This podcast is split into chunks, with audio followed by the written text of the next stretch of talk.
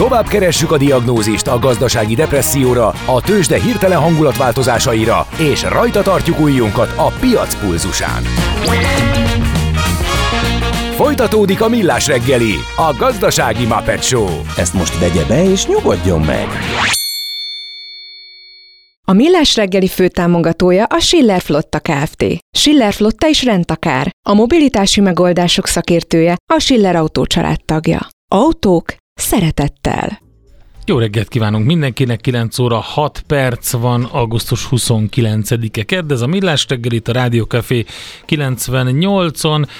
Kede Balázs a stúdióban. És Kántora Endre a stúdióban. Kint pedig megérkezett az a cella, amiről beszéltünk, szépen déli irányból közelített végig Budapest felé a Duna vonalán, a keleti oldalon, és most elérte a fővárost, úgyhogy most már mindenhol elég rendesen esik, és hogyha megnézzük a radarképeket, akkor lehet látni, hogy alapvetően ez vár ránk az elkövetkezendő órákban is, tehát egy több ilyen hullámban jön több, mm, hát elég komolynak is kinéző zuhé a főváros felé, úgyhogy Hát a mai nap az biztos, hogy ilyen lesz, minden esetre a hőség az valamennyire csökkent emiatt a hidegfronti betörés miatt, de hát ugye ilyenkor azt mondani, hogy hidegfront, amikor 28 fok van még mindig. Igen. Az jó, hát mondjuk a 38-hoz képest ez tényleg. Na jó, szóval, hogy közben írtatok is rengeteg mindent. Mi volt ez az allergiás? Melyik? Ez itt, ami nyit Jó van? hosszút írt. Hát egy célzott diétáról ír a kedves hallgató, évente egyszer vagy kétszer ajánlott bőjtöt tartani egy hétig, mellett lugosítani kell rendszeresen uborkából, citromból az jó egyébként. Uborka, citrom, oregano. Igen, bár ezzel a lugosítással kapcsolatban én azt olvastam, hogy ez ilyen, valójában ez nem nagyon létezik, tehát uh-huh. nem nagyon tudod a szervezet savbázis egyensúlyát így befolyásolni, de mindegy, ha elhisszük, és Minden esetre jó az a cucc. Jó. Az jó a cucc, a citromos, oregános, oregános zöld az jó, igen. Bármilyen zöld levéből lehet készíteni vízzel összeturmixolni, az ételek 90%-a savas, ezért kell lugosítani, és ez erősíti az immunrendszert. Ezekkel lehet közömbösíteni a savas táplálkozás káros hatásait. A férjemnek ezzel a technikával az erős aszmatikus allergiája megszűnt. Mindenkinek ki kell tesztelnie, mire érzékeny. Hát igen, Glutén, laktóz, ez így van. stb. és azt kiiktatni az étrendből. Igen. Sokat kellett ezzel foglalkoznom, a gyerekeink már egyáltalán nem allergiásak, pedig a férjem ágás Na ez a része, genetikai terhet kapta. Ez a része nagyon érdekes, és igen. szerintem fontos, hogy, hogy egyszerűen tényleg az van, hogy ilyen tesztszerűen Így ki van. kell tesztelni azt, hogy mi az, Figyelni amire igen, a igen, reakciókat. És foglalkozni, foglalkozni vele sokat, különben nem fog menni. Köszönjük szépen. Na megyünk tovább, mert fontos témánk jön.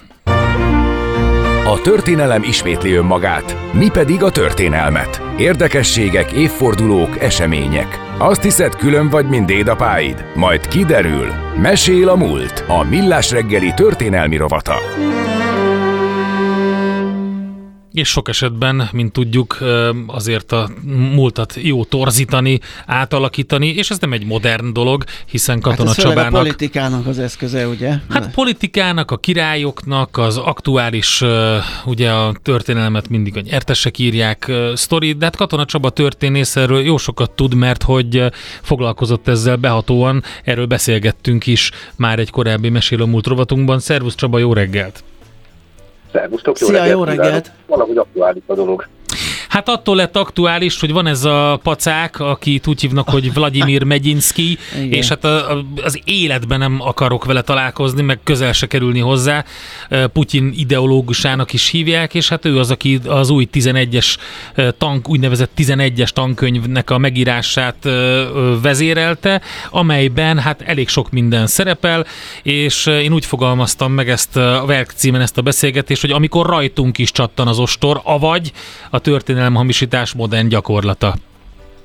Ez pontosan így van. Ugye a történelem, mint tudjuk, az nem egy exakt tudomány, erről már sokszor beszélgettünk. Ebből következik az, hogy bizonyos értelemben következmények nélkül lehet hozzányúlni. Itt arra gondolok, hogy ha egy orvos elkövet egy műhibát, akkor sajnos az a beteg állapotán látszani fog, ha egy mérnök rosszul tervez meg egy házat, vagy egy hidat, viszonylag hamar kiderülő problémák vannak. A történelemmel, mint a legtöbb humán tudományal az a probléma, hogy igazából csak egy morális gát az, ami, ami a szigorú szakmaiságot úgymond megköveteni, mert igazából, ha én most írok egy könyvet arról, hogy a marslakók alapították Magyarországot Krisztus előtt 3000-ben, akkor ez a könyv meg fog jelenni, és lesz olyan, aki elhiszi. Igen, valószínű. Változtasd át egy kicsit Sirius lakókra, és akkor már közelebb, akkor többen Nagyobb fogják lesz elhinni. Nagyobb lesz, így van a példányszám. Na mindegy, szóval igen. Törekedtem rá, hogy egy picit nagyobb distancia legyen a nyers valósághoz, értem, de hát Okay. Úgy érzem, most már nem tudok olyan blödséget mondani, aminek a párhuzama azonnal ne jelenne meg a horizonton. Igen. És ez viszont megint csak visszautal arra, amiről beszélgetünk. Ugye van egy olyan szó, hogy emlékezett politika, nem szeretjük ezt a szót, mert ugye az emlékezett politikának a lényege, hogy a múltat a mindenkori hatalomhoz igyekszik alárendeli a saját céljainak afféle igazodási pont bázisául megjelölni. 1865-ben a angol parlamentben volt egy vita, és itt szólal föl egyebek mellett Benjamin Disraeli, aki ugye kétszer is volt miniszterelnök Angliában, uh-huh. és van neki egy klasszikus mondás, ez így hangzik, hogy the past is one of the elements of our power. Tehát a múlt hatalmunk egyik eleme. Uh-huh. Ez egy nagyon szép mondat, ráadásul, hogyha ezt kontextusba helyezzük, az így hangzik konkrétan, hogy nem tudunk ellenállni a gyors változásoknak, amelyekben élünk, és a számos előrejelzésünknek megfelelő fejlesztést és változtatást ez az ellenére ez az ország még mindig Ó-Anglia. Tehát ugye egy kis vissza fordulás a történelembe, hogy hogyan kéne értelmezni ezt az egészet. Most nem menjünk bele ennek a vitának a részleteibe, viszont olyat valóban, hogy blödségek jelennek meg a történelem kapcsán, olyat már láttunk. Ez önmagában nem baj, mert mindenkinek joga van azt gondolni a történelemről, amit akar. Amikor ez már az állam szintjére kerül, és nevezzük nevén történelemhamisításként jelenik meg, akkor van baj. Na és most Oroszországban baj van, és ez konkrétan minket is érint. Hát ugye nem az az kicsit. érdeke, hát nem kicsit, ugye azért azt konkrétan leírni, hogy 56-ban fasiszták lázadtak, és azt, hogy, és konkrétan egyébként azt, amit mindannyian a, éreztünk eddig, meg tudunk eddig, az az érdekes egy ilyen tankönyvben, hogy vannak benne egészen hajmeresztő dolgok, amiket ha magáról olvas az ember, akkor az nem, hogy nem esik jól, de, de hát hogy is mondjam, azon túlmutat. Viszont vannak benne olyan kis igazságcsírák, amiket így most ide kimondtak. Tehát például az, hogy hiba volt kivonulni Magyarországról, az egy ilyen jól kimondott dolog lett. E, igen, és ugye, ha az ember ezt olvasgatni, hát utaljunk egy picit vissza arról, hogy ki követte el ezt a könyvet, és nem véletlenül használtam ezt a kicsit cinikus kifejezést, ugye itt már te is kimondtad ezt a nagyszerű embernek a nevét, ez Vladimir Megyinszki. Hát ő még 2021-ben került, egyébként miniszter is volt, egy kulturális miniszter természetesen mi más ezekkel a képességekkel. Nos, ő egy olyan bizottságnak az élére került két évvel ezelőtt, amelyiknek kifejezetten az volt a feladata, hogy hát a történelem oktatással foglalkozzanak, és a orosz történész kollégák, mármint az igaziak azonnal kongatni kezdték a vészharangot, hogy itt bajok lesznek. Ugye Egyébek mellett Ungári Krisztián írt arról, hogy Megyinszki még a fokozatát is, hát finoman fogalmazza, a plagizálások révén szerezte meg, nem létező művekre hivatkozott. Hosszan sorolhatnám, tehát csupa olyan dolog, ami gyakorlatilag egy életre a tudomány határain kívülre helyezni egy normális helyzetben. Itt nem ez történt, hanem ugye Putyin bizalmi embereként ugye a tankönyvekre és a történelmi értelmezésre helyezte a hangsúlyt. Na most azt rögtön hozzá kell tenni, hogy az ő önálló gondolatainak a száma az ö, nagyjából a nulla mellé pakolható. Tehát egy végrehajtó, egy propagandista, meg lehet nevezni, hogy történész, de ez így ebben a formában nem állja meg a helyét. És ha elolvasunk ebbe a könyvbe, akkor a következőt fogjuk látni, ugye idézzük föl, hogy 56-ban a régi hortista katonaság tisztjei jelentek meg itt Magyarországon az utcákon, a tömeg dúlt és fosztogatott, de szerencsére volt egy olyan erő, ami a Szovjetunió iránt mindig meglévő szimpátiát igyekezett szinten tartani, és akkor jött a vörös hadsereg, és ebben segített. És egyébként ugyanezt írja 68 kapcsán, hogy ugyan felbőszült csehszlovák polgárok mindenféle erőszakot követtek el a vörös hadsereg ellen, de véletlenül sem történt atrocitás, mert a vörös hadsereg az nem ilyen, hanem csak bement oda, és hogy a Szovjetunió térnyerése a béketábornak nevezett blokk országaiban az igazából annak volt köszönhető, hogy nem győztünk hálálkodni azért, mert megszabadítottunk a náciktól. Ha megnézzük ezt az egészet, mindegyikben van egy pici igazságcsíra, ugye? Pici. És saj, egy egyrészt van benne nyilvánvalóan, mert különben nem lehet, és ezt Umberto Eco óta tudjuk, hogy ezt úgy lehet a legjobban, hogy egymástól egyébként távolálló vagy összefüggésben nem lévő, vagy pici igazságcsidát tartalmazó valamit elkezdünk forgatni, és akkor abból lesznek az ilyen frankók is összeesküvés elméletek. Hát szóval, az, az hogy hite, hitelt idézőjelben neki. Ott, ugye, ott, hogy... ott megragad, az igen. a horog, és akkor onnantól kezdve megy tovább a, a dolog. És az a probléma ezzel, hogy 56, 68, és ugye 2019, ugye az első, de most ugye 2022, tehát hogy, hogy összekötik ezeket szépen, és megideologizálják ezt. Na és akkor helyezzük ezt tágabb kontextusba, tehát ugye mi hangzik el? Ugye konkrétan az, hogy hát 56-ban itt ezek a mindenféle imperialisták, nyugati ügynökök által feltüzelt volt nácik, ezek megpróbálják megrendíteni a nép uralmát, ugyanezt történik 68-ban, és ugyanezt történt ugye Ukrajnában, tehát a nácitlanítás az egy kulcs szó a jelenkori propagandába. Fésüljük ezt össze azzal, hogy hiba volt kivonulni, mert a nyugat, ami elárult Oroszországot, az abban a pillanatban elkezdett visszaélni látszólagos erőfölényével. Hát ezen a ponton, hogyha az ember összerakja az egészet, akkor nem biztos, hogy az embernek nem fordul meg a fejében az a gondolat, hogy fiúk, nagyon megszerettétek ti ezt a környéket. Igen. Uh-huh. Ez úgy ugyanaz az ideológia hangzik el, és nagyon-nagyon fájna az én szívemnek, hogyha kiderülne, hogy 56 hős forradalom már a Dózsa László született 1942 valójában, hát egy fasiszta ember volt, aki kiment az utcára, és a hős szovjet felszabadítók ellen küzdött. Hát hogy venné ezt ki magát? Uh-huh. Ugye? Úgyhogy az a sandogyanom, hogy ebben, ezen a ponton jó néhány olyan ország van, ami nem tudom, hogy mit kellene pontosan tenni, de tudom, hogy morálisan mit kéne tenni, jelezni a szovjet külügynek, hogy gyerekek itt egy picit probléma van a történelem értelmezésetekkel. Durvábban fogalmazva az még fenyegetésként is értelmezhető. Mm-hmm. Igen. E, hát ez meg fogja történni, ez egy másik kérdés. De az biztos, hogy a közép-kelet-európában van abban rutinunk, hogy a sorok között olvasunk, és amit a sorok között látni vélünk, az nem feltétlen biztató jövőre nézve. Az a baj, és azért adtam azt a címet ennek a beszélgetésnek, hogy amikor rajtunk is csattan az ostor, mert amióta mi ezt a robotot csináljuk, és vagy hát te segítségeddel készítjük, többször előfordult, hogy beszéltünk olyasmiről, ami a kis hazánkban előfordult hasonló jellegű ilyen kicsit így torzítás, és ez csak az olyan régmúltbeli dolgok voltak, amit hát így, hogy is mondjam, nem volt közvetlen hatása arra, ami most mi, mi történik a jelenben. És hát ugye itt most pont egy olyat tapasztalunk, aminek van közvetlen hatása ránk nézve, és hát ahogy mondtad, akár egy fenyegetésnek is fogható. Ugye nézzük meg a történelmet, azért a nagy orosz birodalmi gondolkodást azt semmi sem tudta megrendíteni. Tehát lehet, hogy a cári állam 1917-ben erőszakos körülmények között a sírjába szállt, helyett őt a Szovjetunió, és hogy annak volt a birodalmi és expanziós ambíciói, ezt ne vitassuk el, a történelmet igazolta. És tökéletesen megjelenik az a fajta ideológiai háttér is, ami minden hasonló állam esetében meg szokott jelenni a modern tömegkommunikáció korában, nevezetesen a saját magát igazolja. Ugye itt ebben a tankönyvben ilyesmi is elhangzik, hogy hát igazából a lengyeleket lehet okolni a második világháború kirobbanásáért, és a ma bizonyos Molotov-Ribbentrop paktum kapcsán, amiről mi is beszélgettünk, a Szovjetunió igazából megvédeni ment oda a lengyeleket, meg békét teremteni. Na most ez megint egy olyan dolog, amiről pontosan lehet tudni, hogy a nagyhatalom az mindig a érdekek mentén dönt és cselekszik, méghozzá a saját érdekei mentén, nem pedig érdemek mentén méri a jutalmat, vagy osztja ki a büntetést és torolja meg a nem helyes viselkedést. Tehát igazából ebben az egész tankönyvben semmi más nem láthatunk, mint egy agresszív és roppant erős nagyhatalom expanziós politikájának az ideológiai alátámasztását. Hát nem örülünk. És ez nem jó így. Öm, nem, Csaba, nem lehet ilyen, tehát azt én értem, hogy nem lehet belenyúlni egy olyan tankönyvbe, amit ugye minden 17 éves abból fog tanulni most Oroszországban, aki nem tudom hány millióan vannak, de hát ez borzalom, ugye már eleve, de hogy ilyenkor nincs, egy, nincs valami nemzetközi fórum, történelmi, bármi, ahol, ahol azt lehet mondani, hogy gyerekek, van ez a probléma.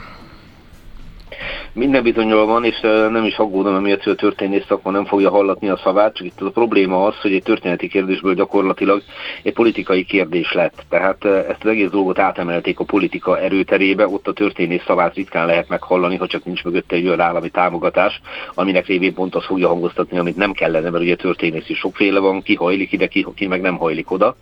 Úgyhogy ez ezen a ponton elsődlegesen nem történészi probléma, bár kétség kívül, hogy a történész szakmának szót kell emelnie, ez elsődlegesen sajnos már politikai probléma, ez viszont nem a történészeken múlik.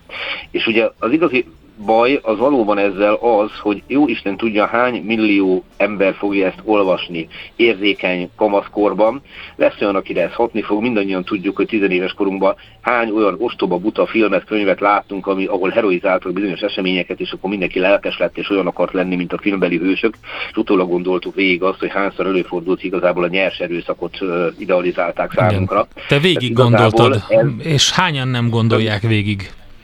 Na itt a probléma, hogy ha ez az elvetett mag egyszer kisarjad, ha valaki úgy fog fölnőni, hogy Szent Oroszország az igazság egyetlen lehetséges hordozója és a történelem mutatója kérlelhetetlenül jelöli ki azt az irányt, amerre menni kell, és mindenki más akadályoz bennünket, akkor kialakulhat egy ilyen erkölcsi fölénynek a képzete, az pedig roppant veszedelmes dolog tud lenni. Nagyon-nagyon veszedelmes dolog tud lenni. Hát jó, mármint, hogy nem jó nyilván, nem, hát. nem tudunk ezzel most mit csinálni, minden esetre megpróbáltunk egy kicsit mögé nézni ennek a elég szomorú dolognak. Én azon gondolkodom itt egyébként ennek kapcsán, hogy ugye mennyi mindent be lehet csomagolni egy ilyen, ilyen köntösbe, hogy előveszek egy ideológiát, és ugye azzal próbálom meg igazolni a dolgaimat, és hát ez igazából nem jobb oldal vagy bal oldal kérdése, meg nem nemzeti kérdés, itt egyszerűen arról van szó, hogy tudjuk, hogy van, aki csinál ilyet, és akkor hadd idézzem a 2018-ban meghalt Grendel Lajost, a kiváló felvidéki magyar írót, aki a Galeri című művében az alábbit írta, aki tehát ráfonódik valamilyen eszmére, önmagán túli, megfoghatatlan elvondológra, az a saját legvalódi érdekeitől idegenedik el, és a legpiszkosabb dolgokra is kapható lesz. Hibátlan sorok. Csaba, nagyon szépen köszönjük a szakértelmedet ismételten. További szép napot neked, jó munkát! Viszont kívánom, és remélem fogunk arról is beszélni, hogy ez a történelemkönyv egyszer úgy fog szerepelni más történelemkönyvek lapjain, mint egy tévedés. Hát az jó lenne, igen. Kérdés megérjük-e. Köszönjük szépen. Köszönjük szépen, Csaba. Szia. Szervusz. Sziasztok, szép napot. Katara Csaba történésszel értékeltük ezt a napokban napvilágot látott hírt, miszerint a 11-es történelem tankönyvben meglehetősen nagy csúsztatások, történelem hamisítás ütötte fel fejét Oroszországban. Mesél a múlt. Történelmi érdekességek, sorsok, életutak a millás reggeliben. Tőzsdei és pénzügyi hírek első kézből a Rádiókafén, az Equilor befektetési ZRT-től. Equilor, 1990 óta a befektetések szakértője. Mindjárt kiderítjük, hogy a kamat döntésre várva, mi történik a Budapesti Érték Tőzsdén, Deák Dávid üzletkötő lesz a segítségünkre ebben. Szia, jó reggelt! Sziasztok, jó reggelt, üdvözlöm a hallgatókat! Hogyan muzsikálnak a részvényeink? Hát egész jó a hangulat a budapesti értéktősdén, 0,3%-os pluszban a Bux Index, 56.937 ponton, 600 milliót egy picit meghaladó forgalommal. És igazából ami az érdekes, hogy a ma reggeli kereskedésben abszolút a nem blue chipeink között találjuk a legérdekesebb mozgásokat. Az Opus részvénye gyakorlatilag mondhatni, hogy a legforgalmasabb papír az OTP mellett a ma reggeli kereskedésben is. 5%-os mínuszban most az Opus részvénye 308 forint, és a 623 millió forgalomból 240 közel az Opus részvényében ben volt, és hát a cikk is gyors jelentése után nagyot ugrik, 291 forint, ez 5,4%-os plusznak felel meg. Itt mondjuk a forgalom még csak 7,5 millió forint, így egy pici forgalommal emelkedik a papír, de látjuk, hogy ebbe az idézőjeles másodkörös részvényekben van ma a nagy izgalom. De most az Opusnál van már valami, vagy pedig tényleg az van, amit láttunk már ilyen mozgásokat, hogy valaki megneszelt, valamit elindult, és akkor, és akkor mindenki követi, vagy, vagy, vagy lehet tudni egyáltalán, hogy ez a napok óta tartó emelkedés minek köszönhető? Ugye volt saját részvényvásárlás-szerű dolog volt bejelentve, gyakorlatilag az Opus tulajdonosi körének érdekeltségébe tartozó egyéb vállalat vásárolt Opus részvényeket, vásárol, illetve vásárolt Opus részvényeket. Igen, meg is, meg is határoztak egy célárat, hogy meddig fogják Így vásárolni, van. és akkor ez lehet. Uh-huh. És hát gyakorlatilag most már az Opus is vásárolja a saját részvényét, mint cég. Ugye tegnapi kereskedésben 100 ezer darab saját részvényt vásárolt az Opus, 315,60 forintos átlagáron Um, aztán, hogy ez most meg mennyire lesz jó hír, meg rossz hír, ez, ez kérdés, mert eddig nagyon tolta felfele a részvény, most meg igazából csak a, az esést tudja korrigálni. Oké. Okay. Jó, az együtt azért nézzük meg, hogy mit csinálnak a vezetők. A blue chipeink közül egyébként kisebb mozgással, de mindenki pluszban van. A legnagyobb mozgást a MOL mutatja 1%-os pluszban 2748 forint, az OTP részvénye 0,1%-os pluszban 14.320 forint, itt a forgalom viszont már 266 millió forint, ezzel a legforgalmasabb részvény lett. 0,3%-os pluszban a Richter is, 9175 forint, a Magyar Telekom is emelkedik, 458 forinton áll, ez 0,4%-os plusznak felel meg. Mi újság Európában? Európában is egyébként a budapesti értéktősdéhez nagyon hasonló mozgásokat láthatunk, ilyen fél százalék körüli pluszba látom gyakorlatilag minden európai indexet, mind a német DAX, mind a párizsi Caron fél százalékos pluszban. A londoni FUCI nagyon felül teljesít, 1,7 százalékos pluszban, ott, ott lehetséges, hogy valami nagy index tagnak volt valamilyen nagyon jó jelentése, uh-huh. és az amerikai indexekben is ilyen 0,2%-os plusz látok így a határidős piacon, úgyhogy mindenhol nagyon jó most a hangulat. A forint piacon is, mert hogy ugye ez lesz izgalmas a forint számára a mai nap, MNB kamat döntő ülés van, bár nagyjából a várakozás az, az, az viszonylag sima uh, eredményt vetít előre. Így van, és igazából gyakorlatilag azt látjuk, hogy a kamat döntés napján így délelőttönként olyan óriás mozgás nincs a forintban. Ez most is így történik, gyakorlatilag egy helyben áll így az elmúlt másfél órában a hazai fizetőeszköz. Egy euróért jelen pillanatban 383 forint 10 fillért, egy dollárért pedig 353 forint 90 fillért kell fizetni a bankközi devizapiacon. Jó, meglátjuk akkor, hogy hogyan tovább. Köszi szépen a beszámolódat, jó munkát nektek, szia! Dávid, Dávid, Dávid üzletkötő mondta el nekünk a részleteket a tőzsdékről. Tőzsdei és pénzügyi híreket hallottatok a Rádiókafén az Equilor befektetési ZRT-től. Equilor, 1990 óta a befektetések szakértője. Tudod, mi az a koktél cseresznye? Hát azt, hogy hol szeret a cápa, akkor figyelj, mert játék következik. A helyes megfejtés beküldők között minden nap kisorsolunk egy páros belépőjegyet a Pap László Budapest Sportarénában szeptember elején megrendezendő Dés László duett koncertjére, az esemény szervező Encore Production Kft. jó voltából. Mai kérdésünk a következő, Dés László melyik musicaljének betét dala a zene, az kell című dal. A. Valahol Európában, B. A dzsungelkönyve, vagy C. Pál utcai fiúk. A helyes megfejtéseket ma délután 4 óráig várjuk a játékukat rádiókafé98.hu e-mail címre. Kedvezzem ma neked a cseresznye! A kultúra, befektetés önmagunkba. A hozam, előrevívő gondolatok. Könyv, film, színház, kiállítás, műtárgy, zene. Ha a bankszámlád mellett a lelked és szürke állományod is építeni szeretnéd. Kultmogul, a millás reggeli műfajokon és zsánereken átívelő kulturális hozamgeneráló rovata következik. Hát ilyen bombaként robbant, de Pár napja, időzített hete, bombaként, igen. ugye, mert ugye már voltak ilyen hangok, meg korábban is lehetett sejteni, hogy gond van az Átrium Színház körül, de hogy ugye pár hete volt egy, egy ilyen nagyon rossz hír, hogy bezár az átrium, és hogy nem bírja tovább a, társulat. Hát ennek kapcsán számomra kicsit meglepő módon uh, került elő Gauder Milán egyik bejegyzése a Facebookon, ami úgy kezdődött, hogy, uh, hogy bezár az átrium egy frászt, és uh, innentől kezdve pedig arról fogunk vele beszélgetni, akivel különböző pénzügyi területeken már ismerhetik őt, vagy különböző pénzügyi területeken beszélgettünk vele már, és ezért ismerhetik őt a hallgatók de hogy az Átrium egyik tulajdonosaként még nem találkozhattak vele, és számomra se volt ez egyértelmű. Szervusz Milán, jó reggelt Szia, kívánunk. jó reggelt! Sziasztok! Sziasztok, jó reggel! Rázzuk akkor gatyába, hogy mi az, hogy átrium.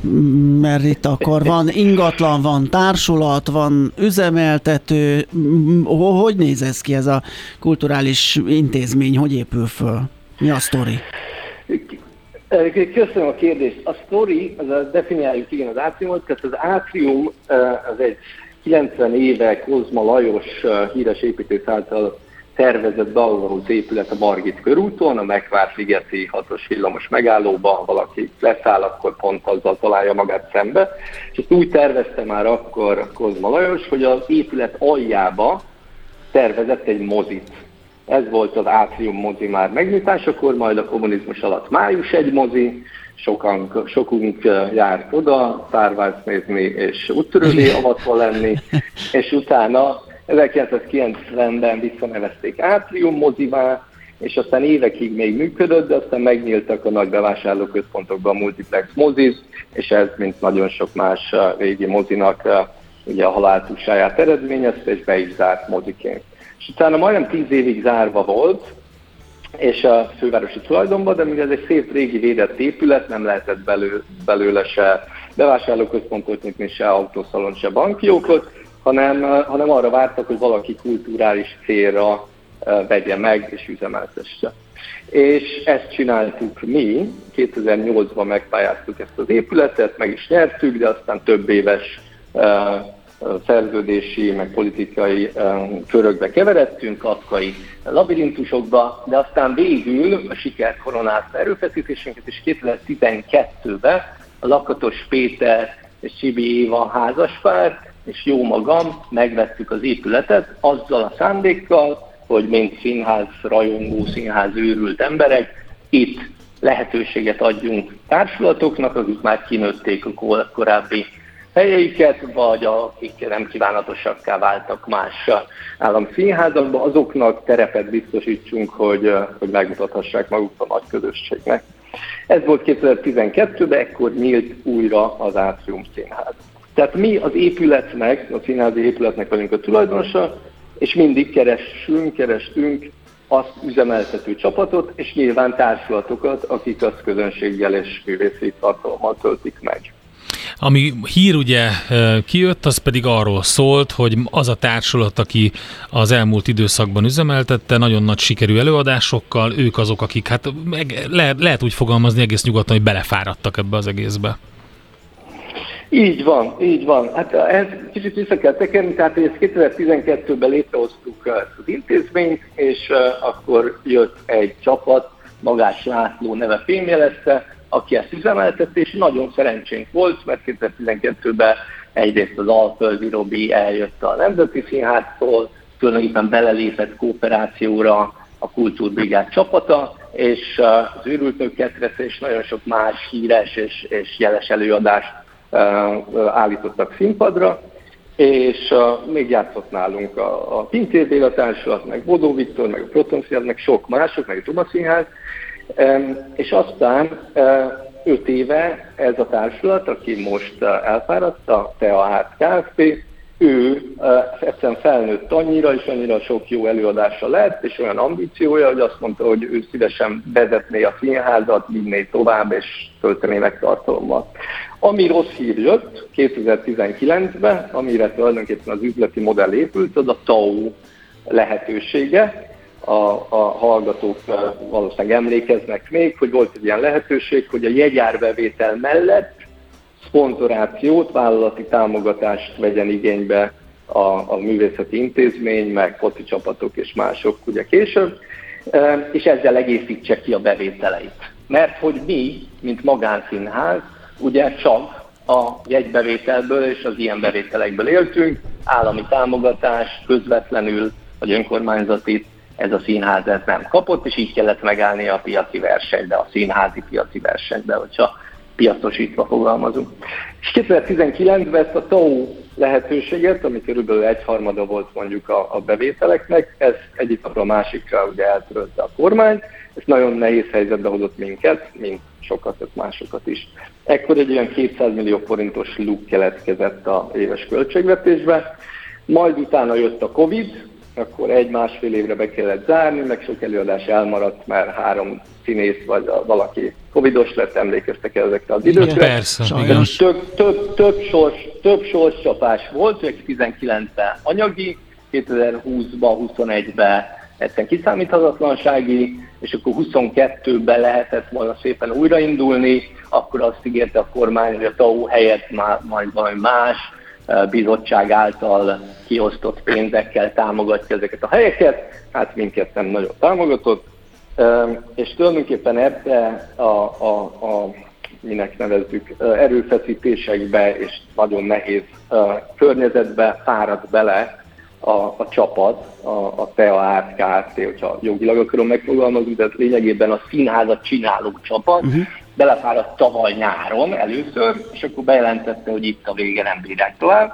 és akkor az elképesztő közönség egy adakozás, mikroadakozás, emlékeztek talán, így hát persze, egy kávé, abszolút. 30 kávé Figyelj, dolga. én ezt úgy csináltam, hogy minden egyes alkalommal az egyik legdrágább konyakot is megvettem, ami ott volt, meg rumot, úgyhogy a, a legfont, nem, nem, minden, persze, nem, hát mindenkinek kell, hogy, van, hogy egy kis áldozatot így van, hozzon, áldozatot hozni. Most nevettek, de, és hogyha, akkor, és az a mázli is... Te zajoztál utána a közönség soraiban. Nem, azt nem, én nagyon disztingváltan tudok viselkedni, de azt is a, a, nagyon nagy mázli egyébként, hogyha meglátod a, a, a csapatnak az egyes művészeit, akik megjelennek ott, és akkor őket is meghívtam, hogyha sikerült egy kávéra, mert Igen. pontosan erről szólt a sztori, hogy menjünk el, legyünk ott, nézzük meg az előadásokat, és egy picit adakozzunk, így, így van.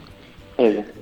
Szóval nagyon köszönöm neked is, és annak a sok-sok ezer embernek, aki, aki összeadta azt, mind a, mind a érzelmileg, mind anyagilag, hogy, hogy ezt egyszerűen nem lehetett tavaly nyáron abba hagyni.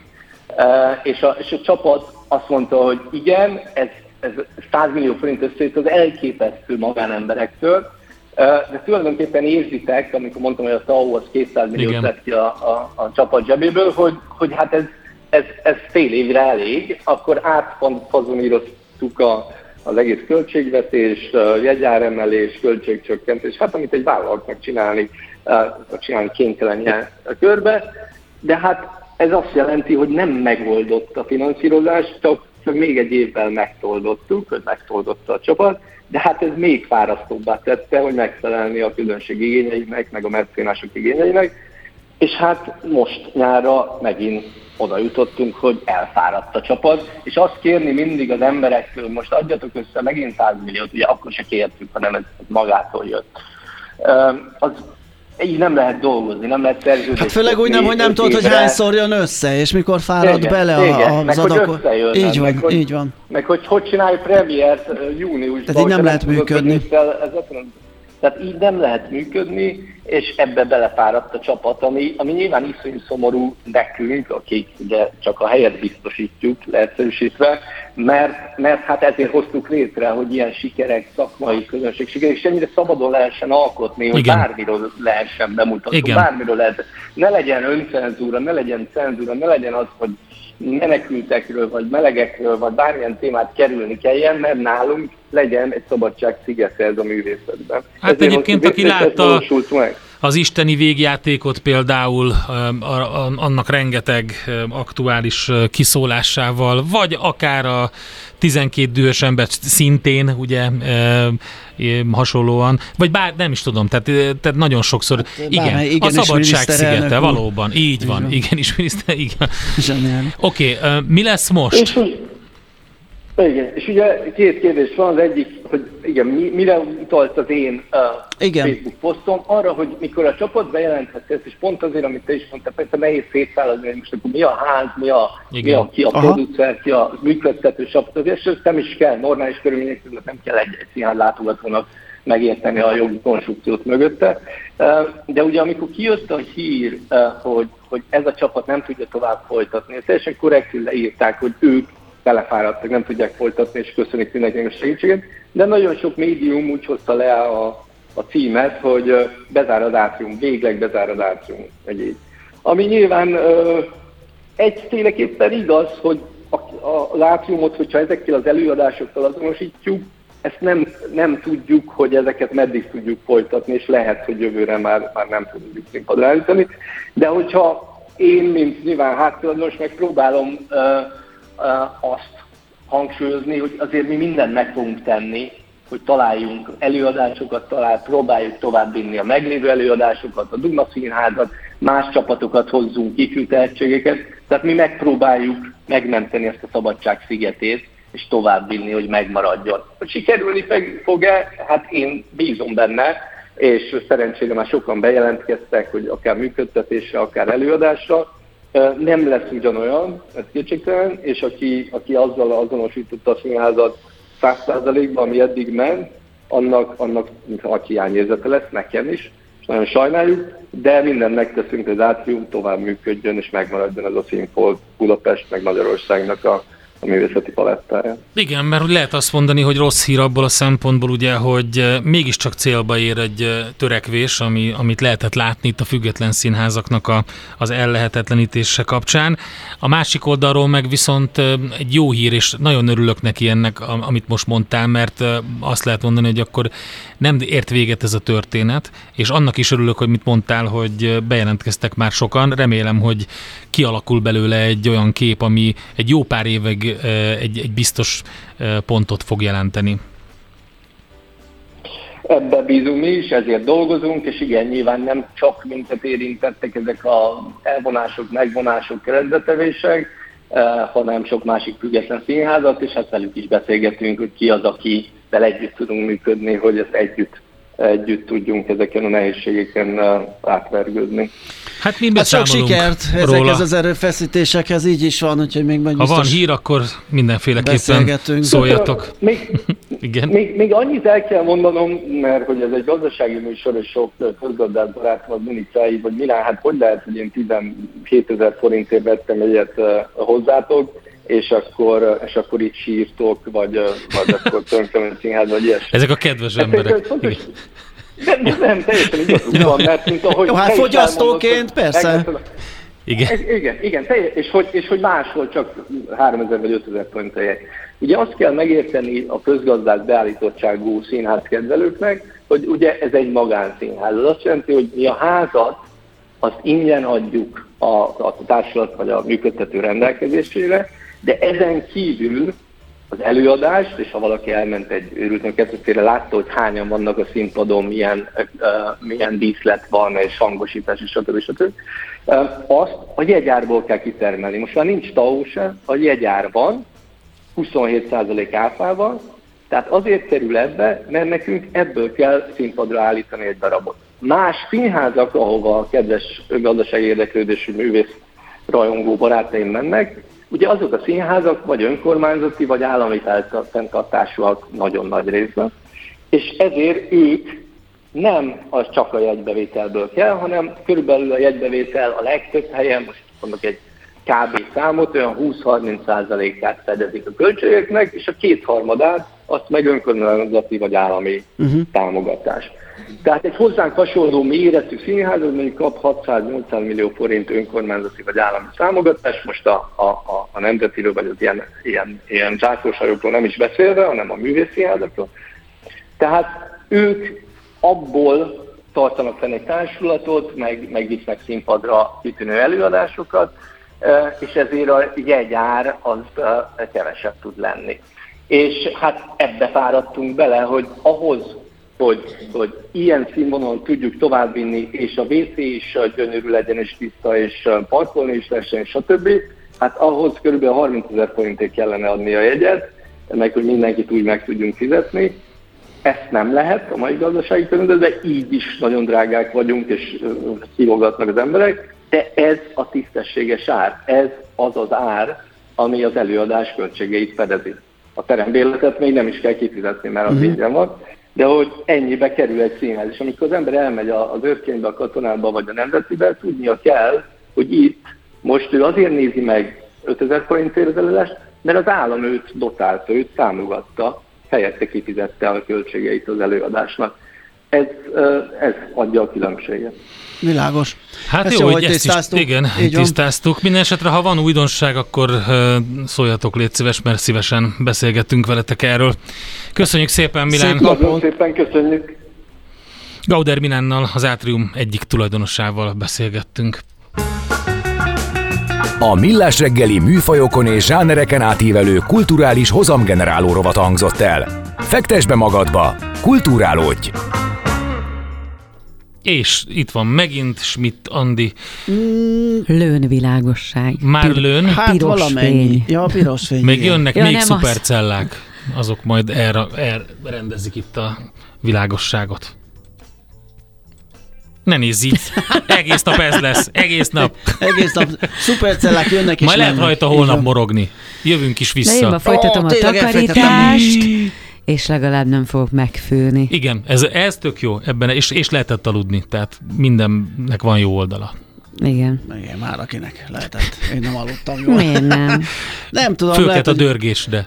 Lehet, hogy későn, későn, hát én kép, későn futópadoztam, és, ja. és az lehet, hogy megtekert egy kicsit, aztán nem lett belőle rendes Fölpörögték. Igen, igen, igen, valami ilyesmi. Úgyhogy... Én tegnap lefeküdtem negyed tizenegykor, el is aludtam, majd három negyed tizenkettőkor arra ébredtem, hogy esik, fúj, és kim van minden a teraszon. Uh, jó, igen. És párnák, igen. minden. Igen, Pakoltam, mondom, most föl fogok ébredni, és nem visszaaludtam, úgyhogy... Na, hál' Istennek. Igen, pedig ilyenkor könnyen. Fönnáll a veszélye, igen, igen, hogy igen. mozogsz is, meg is ázol, az a jó kis hideg víz, az fölkelti az embert. Na jó, hát akkor ezek szerint most is frissen is. Nagyon. Frissen, idén, fiatalosan. Holnap te jössz? Igen. Na, akkor ugyanez a stáb Nagyszerű. nagy szeretettel vár Várunk mindenkit. mindenkit De csak utánunk pont jókor, Fehér Mariannal, ezt fontos elmondani, ma nem elfejtettem, de jön Schmidt-Andi hírei után, aztán jövünk majd vissza. Be, persze van egy egész napi műsor itt a Rádiókafén, de hát hattól ismétlésünk, a 30 pedig élőben. Szép napot, sziasztok!